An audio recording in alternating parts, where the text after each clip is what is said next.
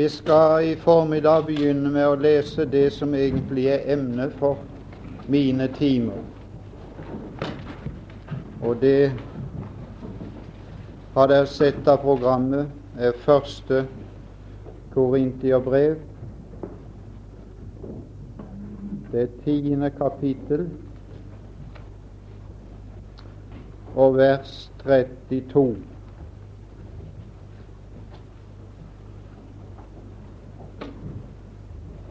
Første Korintiabrev,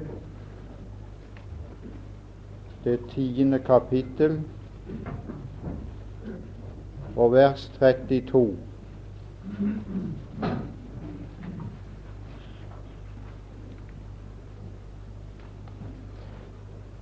Jeg har sagt at Gud arbeider i visse perioder og Gud arbeider også med sin sannhet i visse perioder, og fremstiller sannheten gradvis eller delvis. Og når dere nå finner opp 1. Korintiabrev 10, 32, så er vi kommet til den mann som har fått den siste del av sannheten å føye til i Skriften. Jeg leste for nylig, og med all respekt for vedkommende misjonær som leste et skriftsted og ba de innfødte som var med, å lese det og tenke over det før de handla på det. Da den ene innfødte svarte hvis det står i Skriften, er det ingenting å lese på og tenke på, det er bare å handle. For min del stiller saken seg aldri slik. For uh, hele sannheten finnes ikke åpenbart med en gang. Så for min del spør jeg alltid etter hva det står hen i Skriften. Og når dere nå finner opp første Korintiabrev, så er vi kommet til Paulus, som fikk den siste del av sannhet og føye til Guds ord. Og vi skal lese der i Jesu navn. Vær uten anstøt. Der kunne ha stått for alle, selvfølgelig. Men her deler Paulus inn slekten, eller menneskemassen, i tre forskjellige grupper. Og vi skal lese de tre gruppene. Både for jøder og for grekere og for Guds menighet. Det skriftsted kunne aldri ha stått i de fire evangelier. For i de fire evangelier finnes der ikke en tredeling av slekten. Der finnes bare en todeling. Og hele sannheten er ikke gitt i de fire evangelier.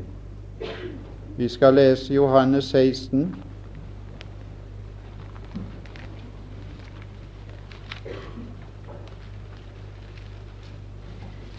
og vers 13, 12. Johannes 16, vers 12. Det er noen som sier at skal de få noe riktig godt og sikkert, så må de gå til Jesus, hans uttalelser. Og her har vi en sikker uttalelse av Jesus om sannheten. Ennå har jeg meget å si der står at han talte meget til dem. Han hadde meget å si da han var iblant de, men her står at han hadde ennå meget å si. Men de kan ikke bære det nå. Ser du? Sannheten er åpenbart delvis og kommer gradvis frem i Skriften. Og skal vi få den fulle sannhet, må vi gå etter pinsedag. Vi skal lese videre. Men når Han, sannhetens ånd, kommer, skal Han veilede dere til Det må du sette ring rundt. Hele sannheten. Altså Hele sannheten er delt opp i forskjellige stykker. Ja, og en, en del er gitt fra første Mosebok, og så kan du finne ut gjennom forskjellige stykker av den, sette de sammen til du får hele sannheten. Han skal ikke tale av seg selv, men det han hører, skal han tale, og de tilkommende ting skal han forkynne eder. Det er sagt at hele sannheten får vi først i Det nye testamentet etter pinsedag. Johannes føyer til en del sannheter i åpenbaringen, men det er bare sannheter som er åpenbart før. Paulus får en helt ny sannhet, som er sannheten om Kristus og menigheten. Og jeg er ikke i tvil om at skal vi få den rette forståelse av Israel, og skal vi få den rette forståelse av profetier, må vi gjennom Paulus. Vi kan ikke gå direkte til profetiene. Jeg sa en dag før, og jeg sier det om igjen med vilje. Det er de som i våre dager har forlatt Paulus eller apostlenes lære og holder seg utelukkende til profetenes profetier. De tar feil. Det kan du stole på. Nå skal vi se her på dette vers i 1. Korintiabrev 10, 32, at det har en viss orden. En viss orden når det gjelder rekke og rad av de tre grupper. Og jøder nevnes først. Og to ganger i Paulus brev heter det jøde først. Og nå vil jeg i formiddag ta fram hva der ligger i ordet jøde først. Alle bibelgranskere er enige om når tid det begynte, men ikke alle er enige om at det tar slutt. Ei viss tid kom i Skriften ganske tydelig da det som heter jøde, først tar slutt. Og det er noe annet som kommer først, og det er hedningefolkene. Vi skal gå til første Mosebok 12 og begynne med jøde først.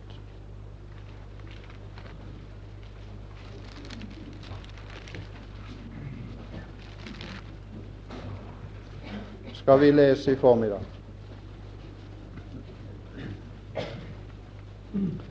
Nå, er vi altså, nå starter vi altså på den tredje husholden, som begynner med Abrahams utskillelse ifra Sems slekt. Og hvorfor det skjedde, det finner vi der kan holde på første Mosebok 12 og, og gå til Josva 24 og vers 2. Bare hold på det, skal vi lese det. Det er boka etter Mosebøkene. Josva 24 og vers 2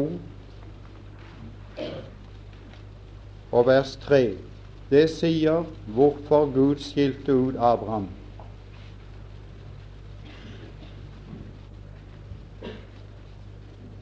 Og jeg må si det med en gang at her får vi vite at alt som heter husholdning, har bare med Gud å gjøre.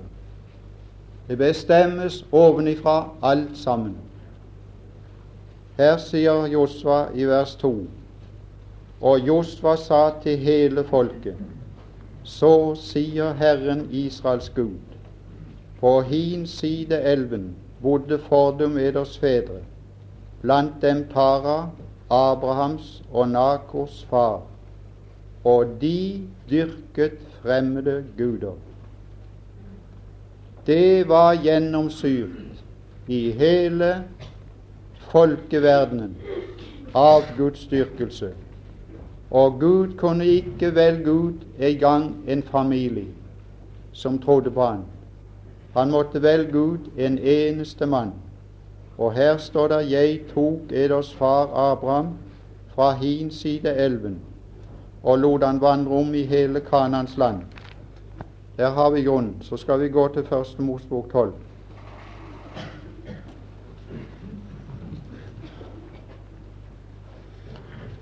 Og nå skal vi se hva der karakteriserer denne periode og dette folk, jøde først. Og hvis dere nå har teften i orden av den husholdning vi hører til, vil dere se at det er ganske annet trekk enn de som karakteriserer menigheten. Vi skal lese her i vers 1.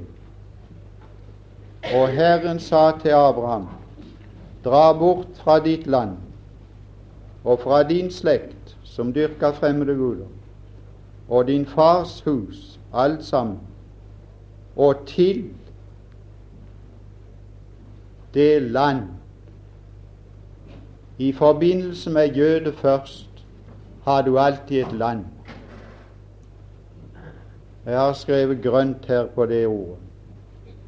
Og hvis jeg hadde fått tid i denne Bibelen, skulle jeg ha skrevet grønt gjennom alle blader der det står land. Så skulle jeg ha fått det i sammenhengende linje. Jøde først har med et land du kan finne på kartet. Menigheten hører ikke hjemme i dette land. Vi hører hjemme i det land der oppe. Et land. Jeg vil gjøre deg til et stort folk. Hør nå det. Det er det neste du må sette strek om. Folk, ikke individer. Jøde først er ikke individer. Det er et folk. Det er en nasjon. Det er en ny ting i verden. En ganske ny ting. Ganske nytt forhold. Jøde først. Et land og et folk, en nasjon. Jeg vil gjøre deg til et stort folk. Stort. Da har du stort. Og det er alltid noe stort med jøder. Ja, Det er det verste for meg at jeg foregriper alt de tingene skal. På våre kanter i gamle dager så hadde de forvis å, kalle to jenter i samme familie med samme navn. Var særlig Anna det gikk på. Tja, så, så måtte de jo skille disse to Anna. De var jo søstre og døpt med Anna begge to. Og For å skille de så kalte de den første for Stor-Anna og den andre for Lilland. Gud har to folk i verden som begge kalles utvalgte. Må du alltid se etter hvordan det ser ut med Storanda og Lillanda. Menigheten, det er bare Lillanda. Jødene, det er Storanda. Voldsomme løfter og greier. Menigheten har mest ingenting. Føder, klær, sier Paulus. Snaut nok det. Fikk ikke kosten engang. Ikke mye stort, det. Nei, nei. Hold de fra hverandre. Stort folk. Stort folk. Jeg vil gjøre deg til et stort folk, og du skal bli en velsignelse. Og jeg vil velsigne dem som velsigner deg. Og den som forbanner deg, vil jeg forbanne. Det går tvers gjennom hele perioden. Det går helt til tusenårsriket. Det gjelder i dag. Og i deg skal alle Må du også sette strek. Hva det er som karakteriserer jødene? Å ha det med. Det har med jorden å gjøre. Hører du det? Det har med jorden å gjøre. Jødefolket har med jorden å gjøre. Det har med et land på jorden å gjøre. Og det har med alle jordens slekter å gjøre. Jeg kunne finne det ut mange plasser. Vi skal ta landet først. Kapittel Vi skal gå forbi alle de plasser landet er sagt i vers kapittel 12. Gå til kapittel 15. Skal vi først ta landet.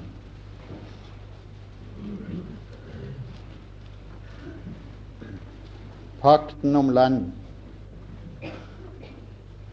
Ja, vi leser mye om landet nå. Det er i skuddet med land, med Palestina. Vi skal lese om landet her.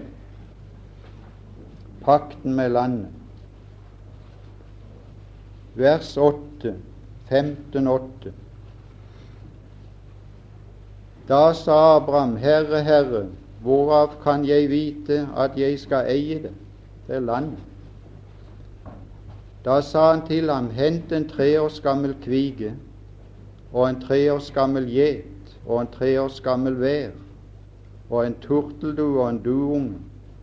Så hentet han alt dette til ham og skar dyrene midt over og la det ene stykket på hvert av hvert dyr rett imot det andre. Men fuglene skar han ikke over. Det er en pakt, det er blodpakt. Det er saltpakt og blodpakt i Skriften. Her er blodpakt og rovfugler for ned på de døde kropper, men Abraham jagde dem bort. Da solen var nær ved å gå ned, og en dyp søvn var falt over Abraham, se, da falt redsel og et stort mørke over ham. Og han sa til ham, Abraham, det skal du vite, at din ett skal bo som fremmed i et land som ikke hører dem til, og de skal træle for folket der og plages av dem i 400 år. Men det folk som de skal trele for, vil jeg dømme. Der kommer det igjen det jeg vil velsigne den som velsigner deg, og forbanne den som forbanner deg. Og deretter skal de dra ut med meget gods. Det er første gang at Israel som folk er ute av landet. Og to ganger til er det sagt at de skal ut av landet og inn i landet igjen. Her er den første gang. Men uh, du skal fare til dine fedre i fred og bli begravd i en god alderdom. I det fjerde ettledd skal, skal de komme hit igjen. For amoriterne har ennå ikke fylt sin ondskapsmål. Da solen var gått ned og det var blitt mørkt, fikk han se en rykende ovn og en luen ild som for frem mellom kjøttstykkene. Den dag gjorde Herren en pakt med Abraham og sa og Nå må du merke det at Herren var, Herren var alene om det. Her er ingen betingelser fra Abrahams side. Det er pakten om landet. Herren en pakt med Abraham og sa din ett gir jeg dette land, fra Egyptens elv like til den store elv, elven Frat. Og så nevner han opp de folkeslag som bodde der. Og den pakt er gjentatt i Salme 105. Vi skal lese det.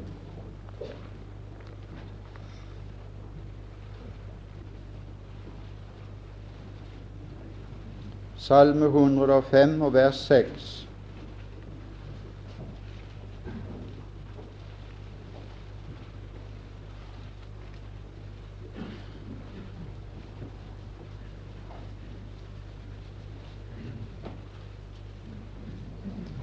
Salme 105 og vers 6. I hans tjener Abrahams avkom Jakobs barn, hans utvalgte. Og der har jeg satt Matteus 24, 22 i sida. For de utvalgtes skyld skal de dager forkortes. Du må endelig vite hvem det er som det menes med utvalgt. Så står det videre Han er Herren vår Gud, hans dommer er over all jorden. Han kommer evinnelig sin pakt i hu. Sin pakt. Det ord han fastsatte for tusen slekter, den pakt han gjorde med Abraham og sin ed til Isak, Denne pakt omfatter alle tre personer. Og han stadfestet den som en rett for Jakob, som en evig pakt for Israel. Hva gjaldt det? I det han sa, deg vil jeg gi Kanans land til arvelodd. Så her har vi pakten. Pakten om landet. Og hver gang vi taler om jøde, må vi se jøden i forbindelse med et land. Og hver gang vi taler om en jøde, må vi se jøden i forbindelse med et folk. Og hver gang vi taler om jøden som et folk, må vi tale om jøden som et folk blant de andre folk. Vi skal lese også det. Amos 3,2. Det blir verre å finne. Gå forbi Daniel. Hoseas og Amos. Joel og Amos. Daniel, Hoseas, Joel, Amos.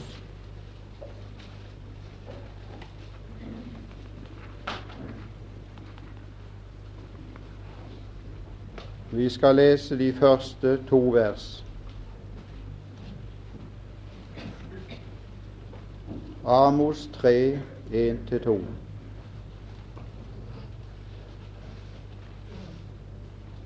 Amos 3, 1-2. Hør dette ord som Herren har talt mot eder, Israels barn. Mot hele den ett, det er folket, det er slekten jeg har ført opp fra Egyptens land. Må du lese nøye her. Må du se forholdet. Eder alene. Hører du det? Eder hal alene har jeg villet kjennes ved blant alle hva er det? Hmm? jordens etter. Det er en utvelgelse blant alle jordens etter. Så når du har med jøden å gjøre, så har du ingenting på det hinsidige. Da har du bare med det som er denne siden, og nærværende. Og i forhold til alle de andre etter og slekter, folk og tungemål. Og at noen kan ha nok i det det forstår ikke jeg. At noen kan ha nok i et land, at noen kan ha nok i en jordisk by, at noen kan spesialisere seg og ha nok i stein og tre, oppbygging, dyrking av jord og bygging av hus. At noen i menigheten kan ha nok i det, det forstår jeg ingenting av. For meg er det altfor lite. For jeg hører hjemme blant andre utvalgte som hører hjemme i det himmelske. Vi skal lese et annet vers av Biliam i 4. Mosebok 23. 4. Mosebok 23 og vers 9. Det er Biliam som uttaler det.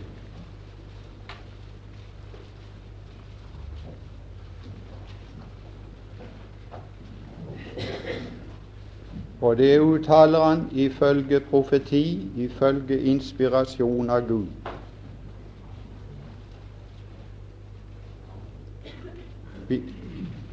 Fjerde Mosebok 23 vers 9. For fra fjellets tinne ser jeg ham, og fra høydene skuer jeg ham. Det er Israel. Se, det er et folk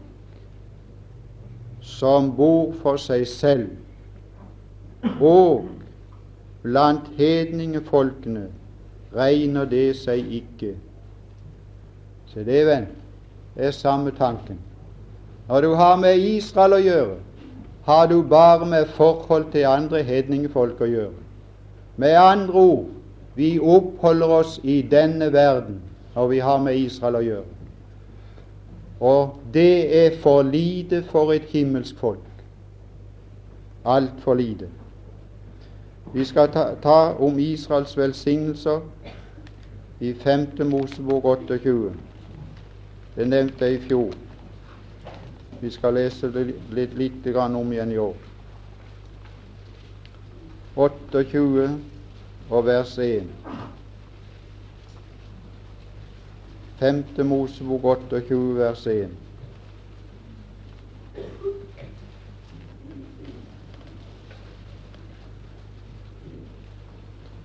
Så skal vi gå til Romerbrevet 9 og gjøre oss ferdig med det hele.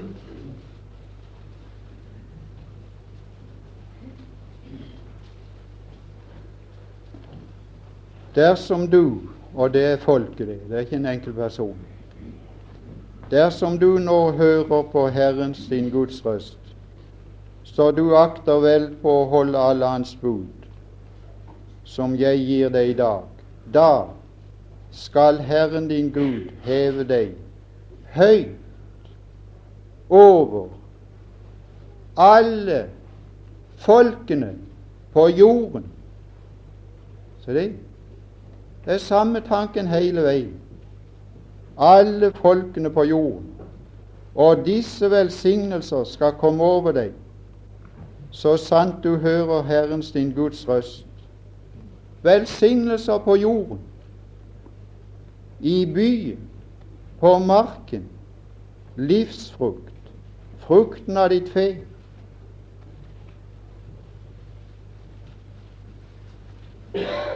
Ja. Og hva det jeg hørte om Per Nordsletten, men jeg har ikke lest det, så jeg syder med å sitere ting som ikke jeg har garanti for er sant.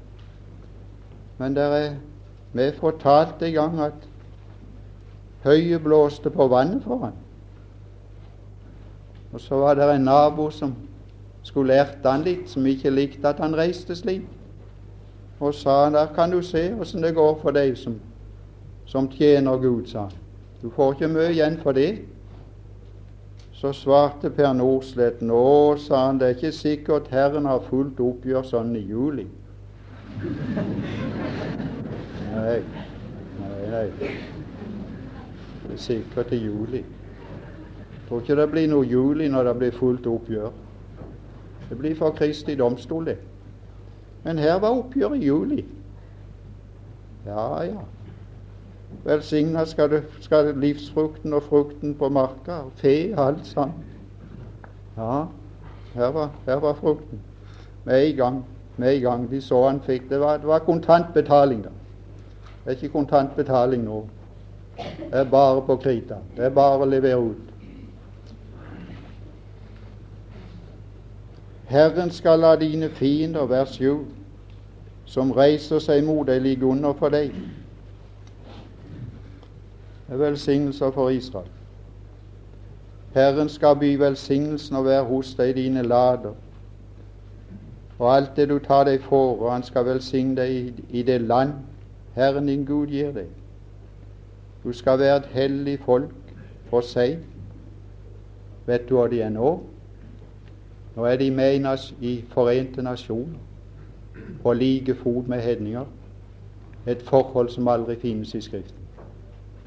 Nå er jødefolk inne i et unaturlig forhold som Gud aldri tillater. Nå får de hjelp av hedninger, for de er ulydige. De er Israel etter kjødet. Jerusalem er det Jerusalem som nå er det i trelldom med sine barn. Nå er hedningene over dem, selv om de bor i sitt eget land. Alle folkene på jorden skal se at du er kalt med Herrens navn, og de skal reddes for deg. Det går tapt. Det var det. Vi kunne også ta en by som hører det landet til. Vi skal la det være. Vi skal gå til Romerbrevet 9 og komme til Paulus.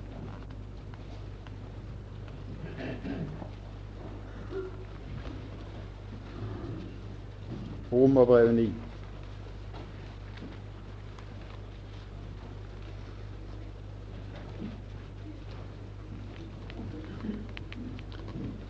I kapittel 8 er Paulus ferdig med den personlige frelse.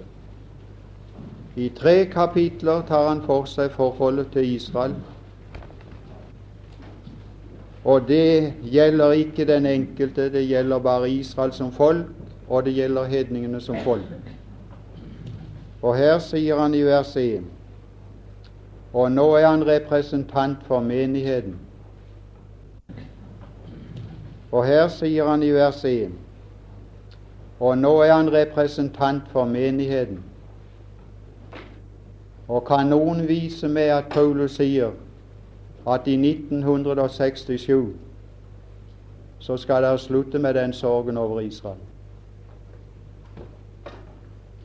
Så skal dere slutte med misjon blant Israel. Kan noen bevise det? Kan noen si med det, så skal jeg slutte.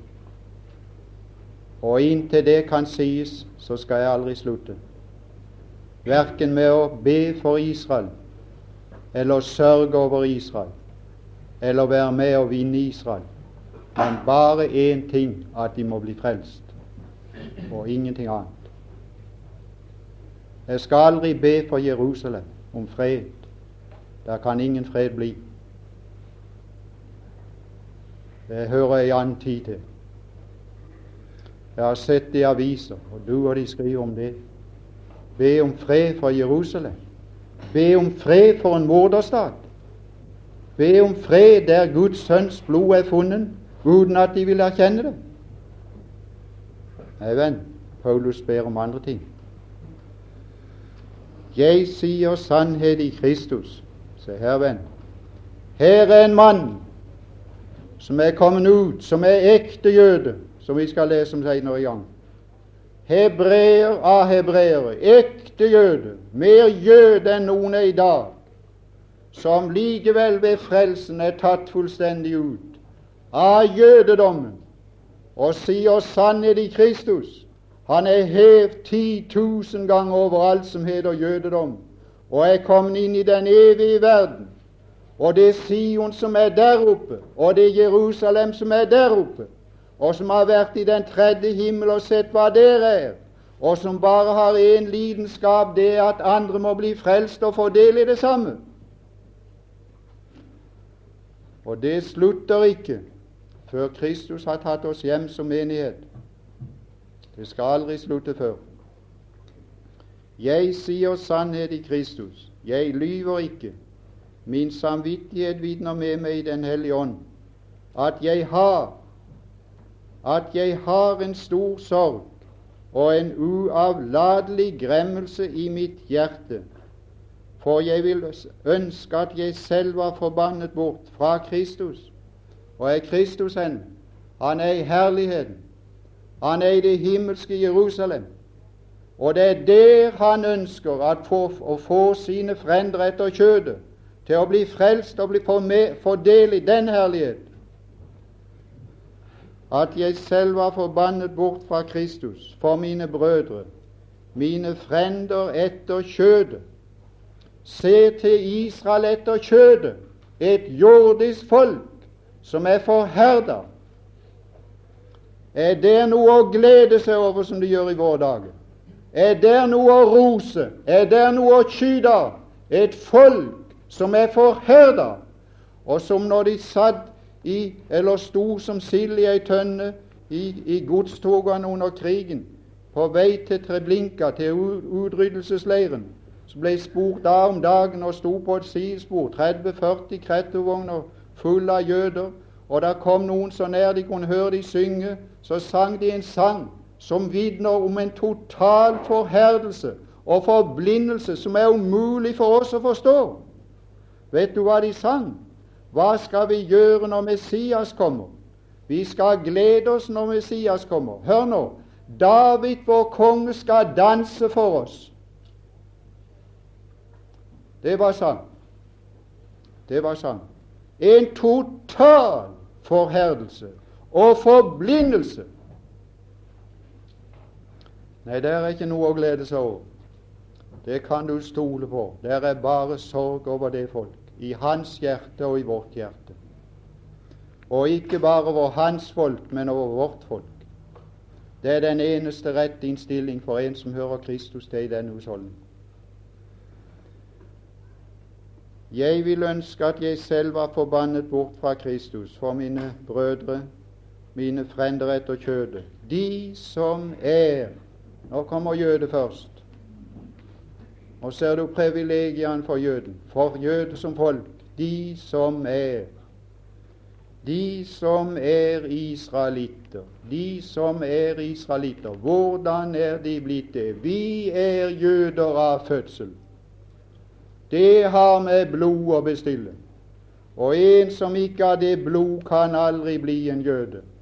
Det hører med til blodets vann og bare det. Født av blod, født som jøde, israelitt. Paulus sier en hebreer av hebreer på begge sider. Far og mor hebreer, ekte hebreer. De som barnekåret.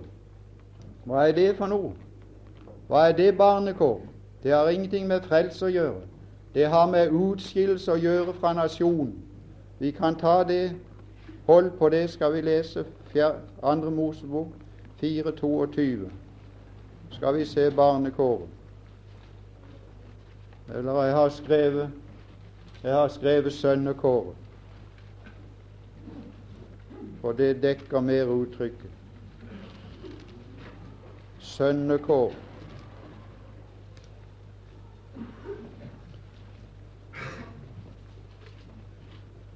Andre Mosebok 4, 22.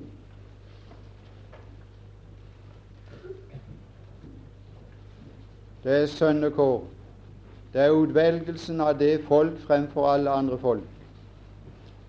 Der skal Moses si til farao, så sier Herren, min sønn, min førstefødte er Israel. Det er sønnekåret.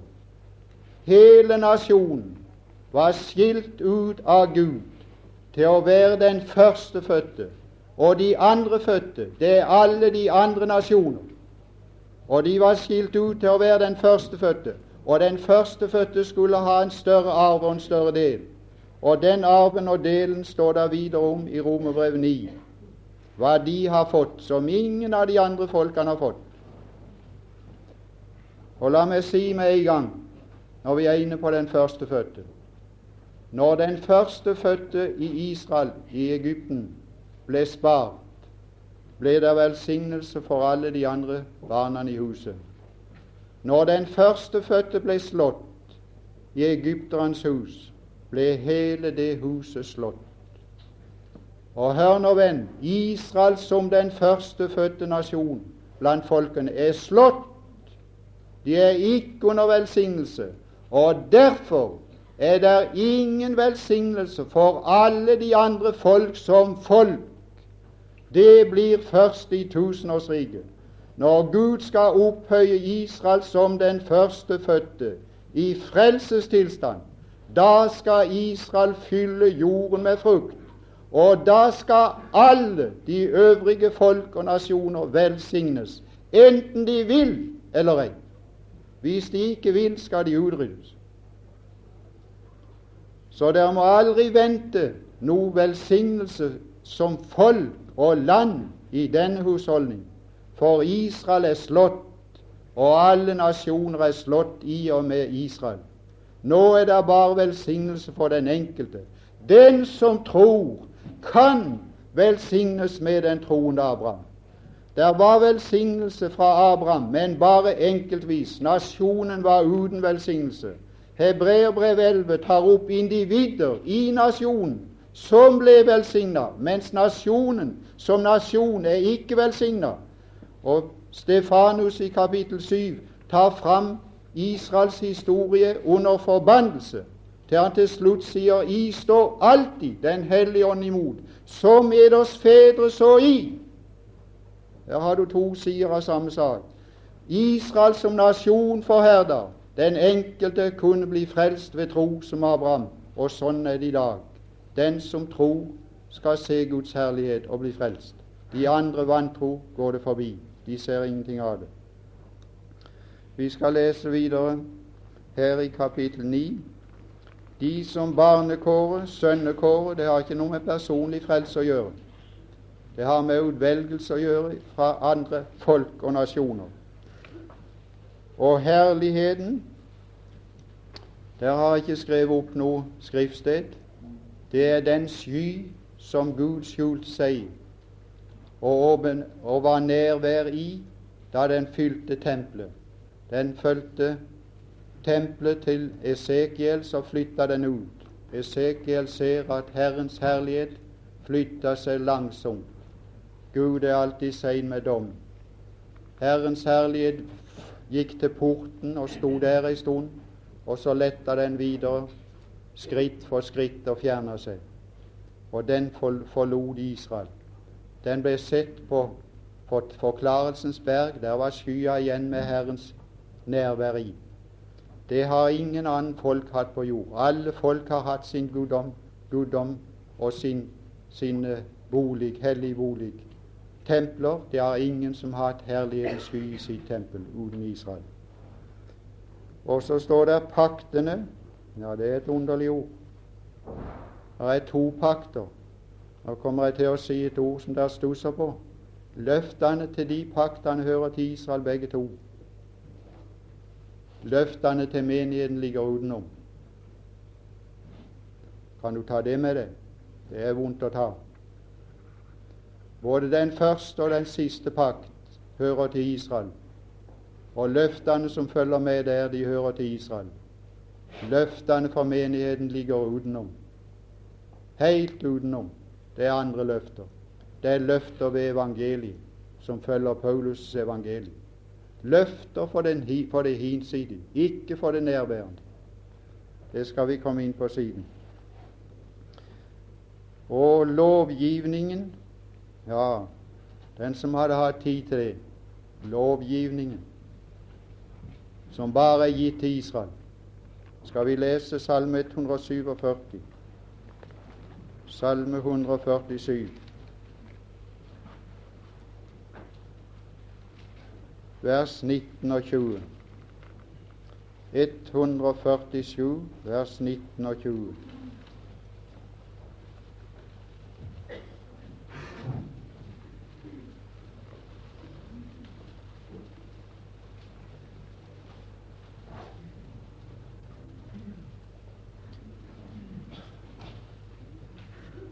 Det er lovgivningen som er spesielt for det folk.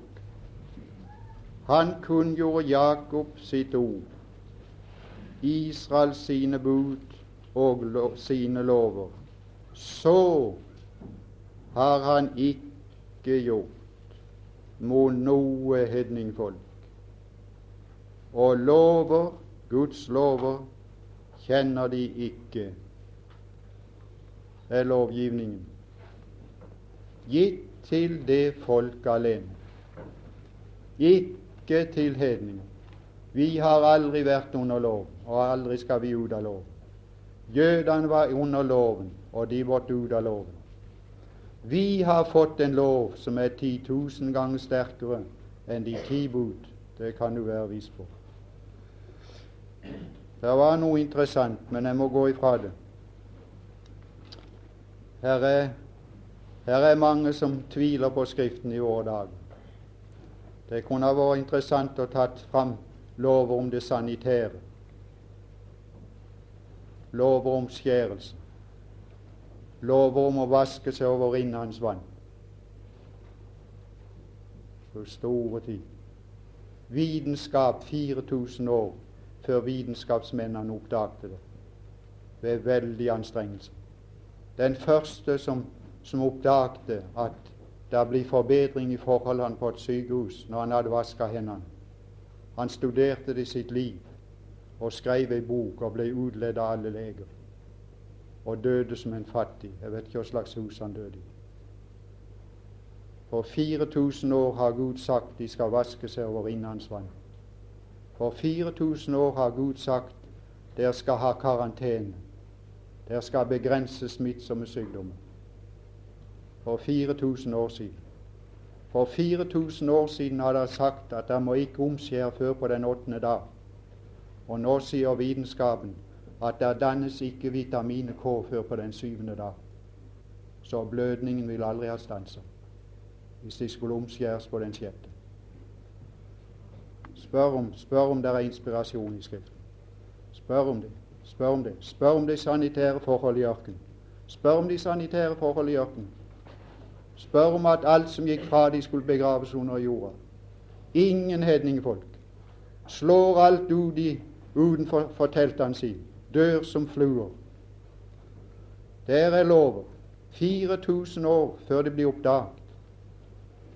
Spør om, spør, spør om det blir renslighet når kristendom kommer inn, når Gud kommer inn.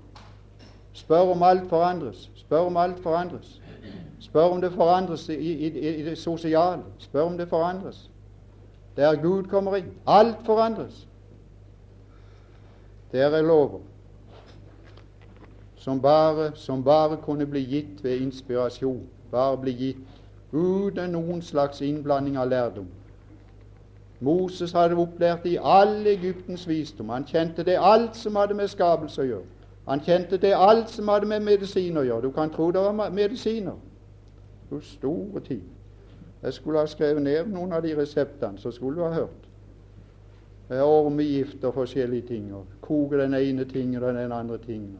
Bruke for håravfall og alle mulige ting. De hadde resepter for alle mulige ting. Du skulle se resepter. Du store tid. Og Moses tok ikke noe av det med. Allikevel han viste om det alt sammen. Han var opplært i all Egyptens visdom. Han kjente det, alle kunnskap. All kunnskap. Og enda så blanda han ikke en ting inn av det der. der. Så her er noe som er gitt av Gud. Gitt ovenifra. Guddommelig visdom. Guddommelig inspirasjon. Gudstjenesten, ja, ja. Ingen Ingen forandring i den. Den vi nå har, er ikke inspirert, og derfor kan de forandre den. Og løftene tilhører, som fedrene tilhører, og som Kristus er kommet fra etter kjød, Han som er Gud over alle ting, velsignet i evighet. Det er noe av det som ligger i jøde først. Og lenger skal vi ikke gå i denne tiden. Det varte inntil apostlenes gjerninger 7 og apostlenes gjerninger 13. Så ble jøde først satt til sides. Og så hjelper ingenting av alt dette som tilhører de etter kjødet. Så må de frelses som hedninger. Det skal vi lese om i Apostlenes gjerninger 15 når vi kommer dertil. Herre Jesus, kan du også bruke noe av dette, som for så vidt var bare kunnskapstale. Og la oss iallfall få et glimt av den sannhet er i de bor, så vi ved sannheten holder oss til sannheten, og ved sannheten blir styrka Gud til å stå imot alle de angrep som kommer ifra alle hånd i våre dager. Vi ber om velsignelse videre i dag. I Jesu navn. Amen.